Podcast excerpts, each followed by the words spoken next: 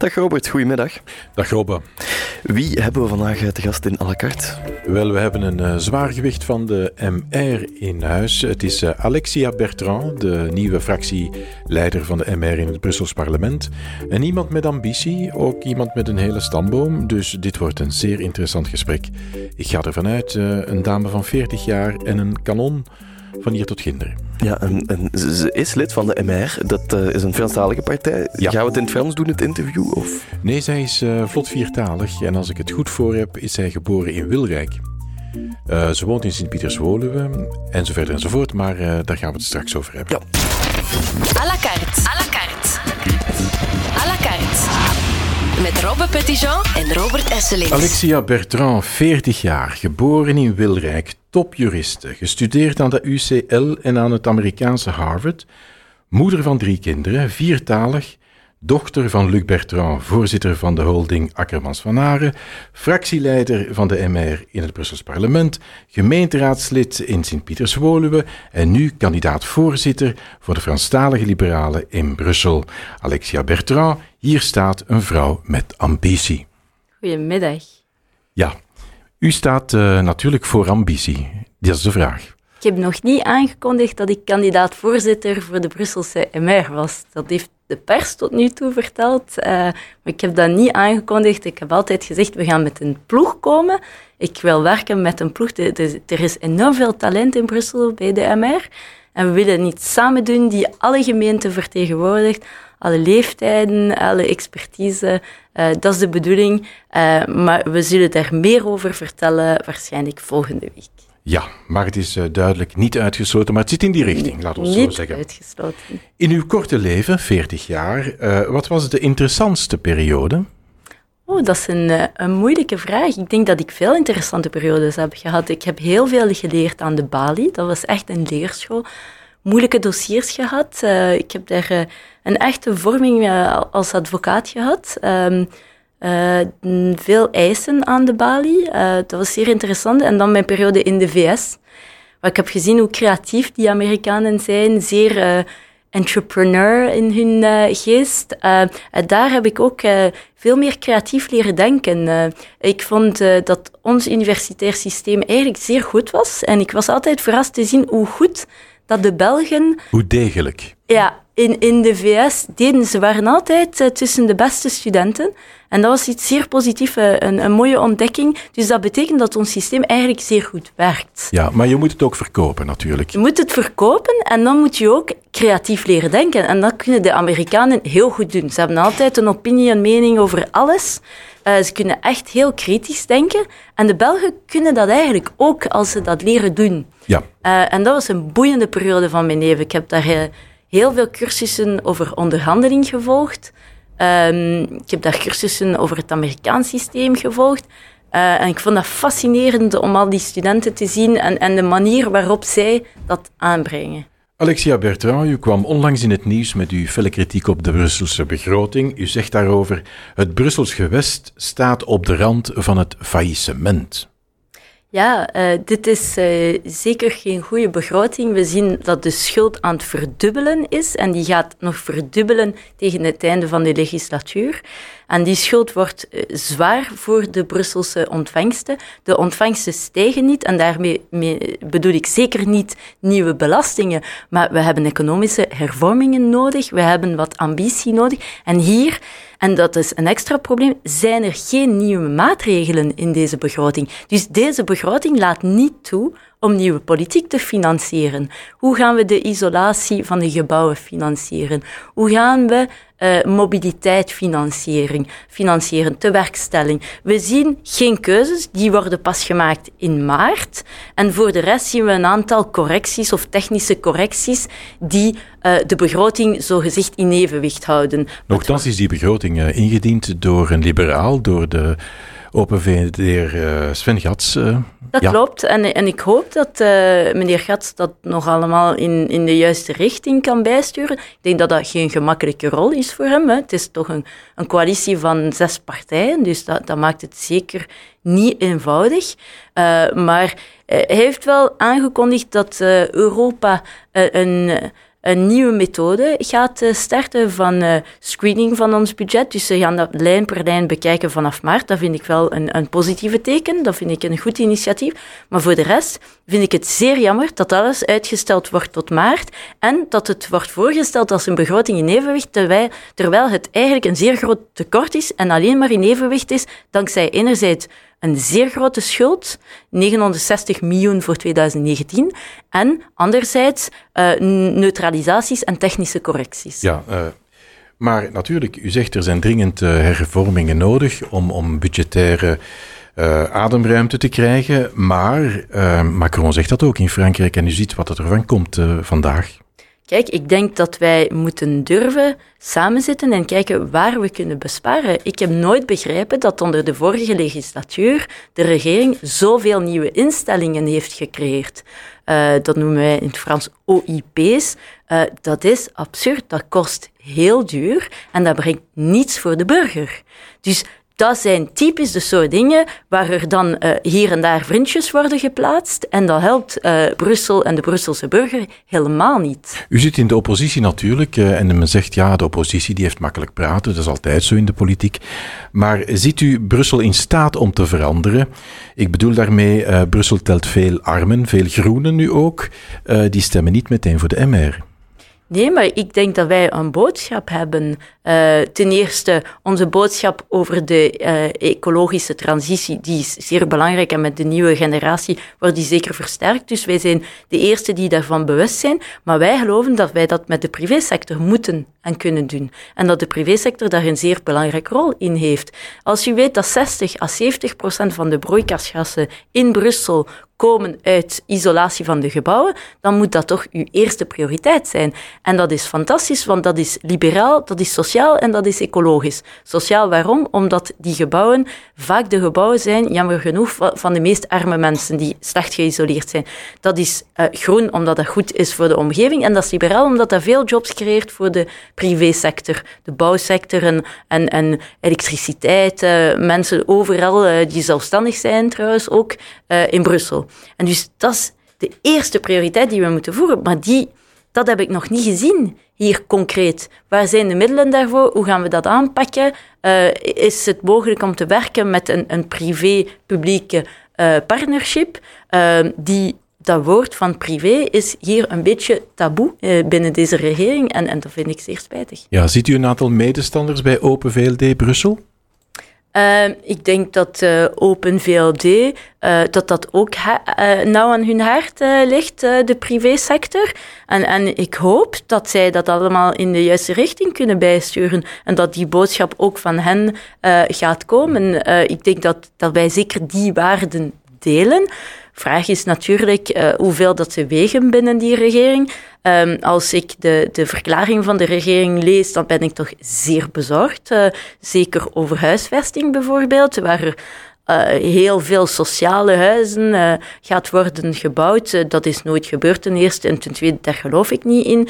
Ehm, ik denk dat er andere manieren zijn om sneller een oplossing te geven aan die 41.000 mensen die, die staan te wachten op een sociale huizing.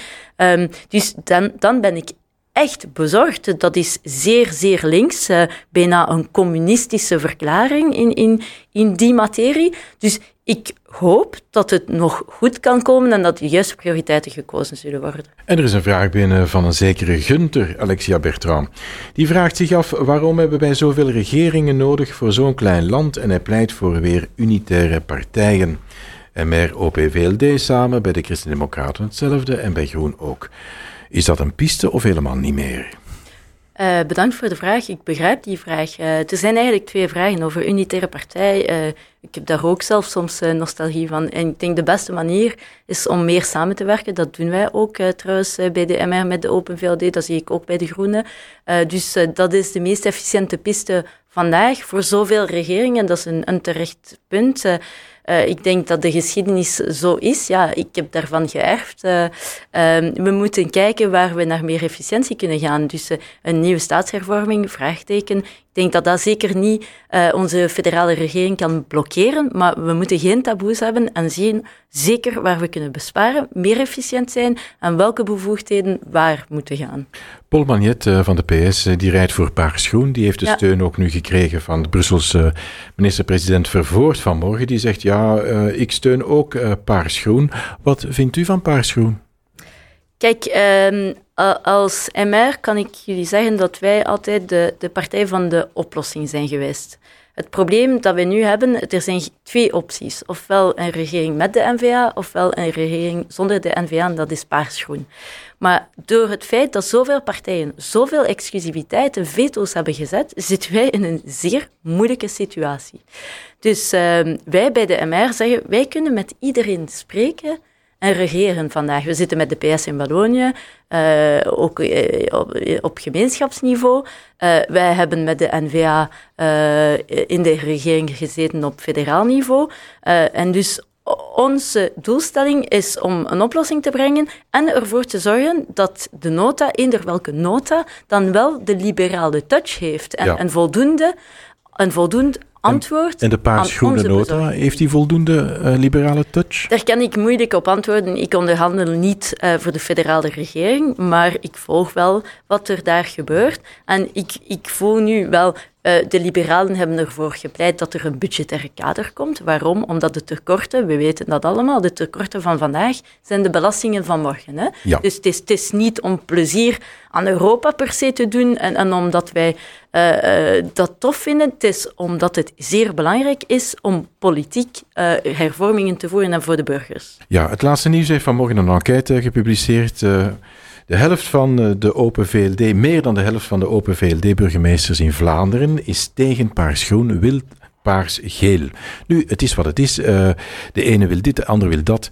Ja. De vraag is, uh, kan een top van een partij, in dit geval Open VLD, maar het kan even goed bij de MR zijn of een andere partij, kan een top van een partij de meerderheid van zijn burgemeesters aan de kant schuiven? Of uh, hoe zit dat eigenlijk?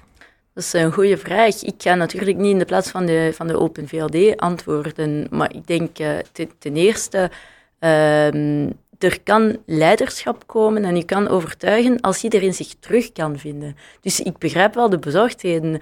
En, en vandaar dat ik u net zei, als er voldoende elementen zijn die, waar u de liberale aanpak voelt en, en ja, de, de liberale invloed op, op vlak van tewerkstelling, van jobs, van economie, van digitalisatie, uh, van uh, al die onderwerpen die, die zeer belangrijk zijn voor ons en voor de burgers. Uh, wat brengt het concreet aan de burger? Dan kan u zeker uw basis overtuigen. Ja. Maar, maar dus dat is de prerequis, laat ons ja. zeggen, om, om dat te kunnen doen. Ja, de voorwaarden, maar uh, ja, uh, voorlopig is die uh, meerderheid van burgemeesters niet overtuigd van, die, van dat akkoord, zal ik maar zeggen. En is het natuurlijk een groot vraagteken waar het naartoe gaat. Um, natuurlijk, u, Alexia Bertrand, u bekijkt het vanuit de MR-kant. Um, acht u het ehm, mogelijk dat, dat de volgende regering geen NVA heeft? Uh, kijk, ik vind het altijd zeer gevaarlijk om de grootste partij uh, van ons land in de oppositie te laten. En waarom zeg ik dat? Omdat uh, ik, ik, geboeid word, ik ben geboeid door de democratie. Ik heb er heel veel over gelezen. En ik denk dat wij zeer aandachtig moeten zijn over populisme. we zien populisten overal in Europa, dat bestaat ook in België. En als wij meer extreme partijen willen zien, um, is dat een van de manieren uh, om dat te doen. Dus dat is een risico. Uh, ja. dat, dat... Dus u zou er de NVA liever bij hebben? Als ik het goed hoor. Wat ik, wat ik gezegd heb, is wij zijn de partij van de oplossing. Maar ik stel alleen vast wat de risico's zijn van de ene of de andere oplossing. En ik zeg, we hebben goed samengewerkt met de NVA binnen de federale regering. We hebben kunnen hervormen. Uh, we hebben niet over communautair gesproken. Als iemand daarover wil spreken, heb ik zeker geen taboes, maar ik vind dat dat dan plaats moet vinden binnen een werkgroep buiten de regering, dat dat onze federale regering niet moet blokkeren. Maar wij, we gaan nu uh, naar een tekort van bijna 12 miljard. We moeten dat aanpakken, dus dat is voor iedereen belangrijk. Ik zeg, laat ons en met de beste oplossing. En denk goed na als je de NVA in de oppositie wil laten. Ik zeg alleen, dan spreken wij opnieuw in 2024. À la carte. Ja? Nee. En met ja-nee bedoelen wij, Alexia Bertrand, dat u ja of nee antwoordt. Uh, het is vrij simpel. Niet te lang nadenken is de boodschap. Hier gaan we. Bent u ijdel? Joker. Staat niet. In welke zin uh, bedoelt u dat? Geef mij een beetje meer context. Uh, bent u ijdel? Bent u eerzuchtig? Ja. U verdraagt geen middelmatigheid. Dat klopt. De grootste paling in de Belgische politiek is Didier Reinders. Uh, ik kan daar niet op antwoorden. Wat bedoelt u met paling? Wel, iemand die zeer glad is. Glad? Ja. Zeker niet. Dat is een zeer intelligente politicus. Nu, uh, zeker niet glad. In die zin, die, die heeft uh, veel lichaam, in tegendeel. Ja. Maar goed, uh, u hebt het er wat moeilijk mee om ja nee te antwoorden, dus het zal misschien wel ja zijn. Ligt u s'nachts vaak wakker? Ja, dat is een vraag. Nee. Nee? Nee, nooit. Ah, u hebt drie kinderen. Ja. Uh, hoe oud? Twaalf en een tweeling van uh, bijna tien jaar oud. En hoe doet u dat eigenlijk, uw drukke baan uh, combineren met die kinderen? Dat is niet altijd eenvoudig, maar ik heb wel hulp. Ik heb ook een moeder die echt aanwezig is de laatste tijden. Mijn man helpt ook met de kinderen. Dus voilà, dat is een kwestie van evenwicht, organisatie en, en af en toe nee zeggen op een politiek event om toch thuis te zijn. Het zit u meestal mee, dat weten we. Hè. Uw loopbaan is een geweldig steekkaart van, van successen. Maar in 2018 uh, kwam u op uh, om burgemeester te kunnen worden van Sint-Pieterswolu. U hebt het niet gehaald van uh, Benoît Serex. Deed dat pijn? nee, dat deed geen pijn om het niet te halen. Dat, dat zijn de regels van het spel. Wat wel pijn deed, was een beetje de manier waarop dat allemaal gebeurd is. Maar dat is ondertussen echt rons. En, en ik denk dat wij in 2024 hopelijk wel in de meerderheid zullen zitten. Waarom? Uh, niet omdat wij een akkoord hebben, maar omdat wij zo hard werken om dat te bereiken, uh, dat ik denk als bijna eerste kracht ex aequo, dat dat absurd zou zijn dat de liberalen niet in Sint-Peters-Woluwe in de meerderheid zouden zitten. Dus ik, eh, ik heb nog veel hoop uh, en ik geloof er wel in. En we blijven ervoor uh, strijven en werken. Ja, dat hoopt u ook in de Brusselse regering. Dat klopt. Ja. In welk jaar is dat dan precies weer? En dat is dus in 2024 ook. Ook. Dus uh, twee verkiezingen na elkaar. Ja, en dan als men dan u zal vragen, en het staat ergens al te boek gesteld uh, in een of ander tijdschrift of uh, krant, als men u zal vragen om premier te worden, antwoordt u meestal zeg nooit nooit. Dus toch, misschien, dan. Uh, ik denk dat u in de politiek zeer moeilijk uh, over carrière kan spreken. En wat voor mij van belang is vandaag, is op de juiste plaats te zitten, op de juiste moment en de meeste impact te hebben. Nu ben ik bezig in, in Brussel. Ik had die inderdaad acht jaar op federaal niveau gewerkt. Maar eigenlijk heeft het veel zin dat ik in Brussel actief ben. Uh, want we hebben daar heel veel vernieuwing binnen onze groep. Uh, een nieuwe generatie die samenwerkt met diegenen die wat meer ervaring hebben. Um, en we creëren een nieuwe dynamiek uh, met al dat groepje. En dat vind ik fantastisch. Het is al bijna twintig jaar, tegen het einde van deze legislatuur, dat de liberalen in de oppositie zullen zitten in Brussel. Dat is toch absurd, hè? dat geef je ook uh, toe. Uh, ik, ik, vind dat wij daar echt een rol moeten spelen, want we zien het zijn telkens dezelfde politieken en ze leveren, ja, dat is een verrassing, dezelfde resultaten, al bijna twintig jaar. Dus ik denk dat het tijd is dat wij wat uh, energie, kracht geven aan Brussel, die een zeer aantrekkelijke regio is, uh, die nog steeds een van de meest productieve regio's is van Europa, maar met enorm veel armoede, jammer genoeg, zeer slechte cijfers, als we kijken naar de sociale cijfers in Brussel. En daar hebben de liberalen goede recetten die ik hoop dat wij zullen kunnen toepassen in de volgende regering. Op de plank, Alexia Bertrand, gaat over de toekomst. U hebt het er net gezegd, volgende week gaan we meer weten over ja, het feit dat u al dan niet uh, voorzitter wil zijn van de Brusselse MR. Stel nu dat u dat toch wordt, hè? we gaan er even vanuit. Uh, wat voor voorzitter wil u dan zijn? Uh, ik heb altijd gezegd, uh, ik wil met een team werken. Ik denk dat wij zoveel uitdagingen hebben in Brussel. Uh, en de grootste uitdaging is zeker de gemeente van het noorden van Brussel, waar we ook een boodschap hebben en willen zeggen tegen die mensen dat die gemeenten zeer belangrijk zijn voor ons. We zijn daar wat stemmen kwijt. Ehm, u weet dat ook. Hè? in het zuiden en het oosten zijn we ook af en toe stemmen kwijt aan, aan de Groene Partij. partij. En daar moeten wij ook hard werken om onze boodschap over te maken. Maar ik denk dat wij dus nu op het terrein moeten zijn, een boodschap, een duidelijke boodschap moeten geven en uh, de mensen gaan bezoeken. Uh, ik heb heel veel deur naar deur gedaan. Ik, ik geloof dat huisbezoeken, ik geloof daar heel sterk in. Dat gaat, de sociale media gaat dat nooit vervangen, een persoonlijke ontmoeting met de mensen. Ja. We zullen uitkijken naar het resultaat. Uh, alvast veel succes hier in Brussel en met uw partij.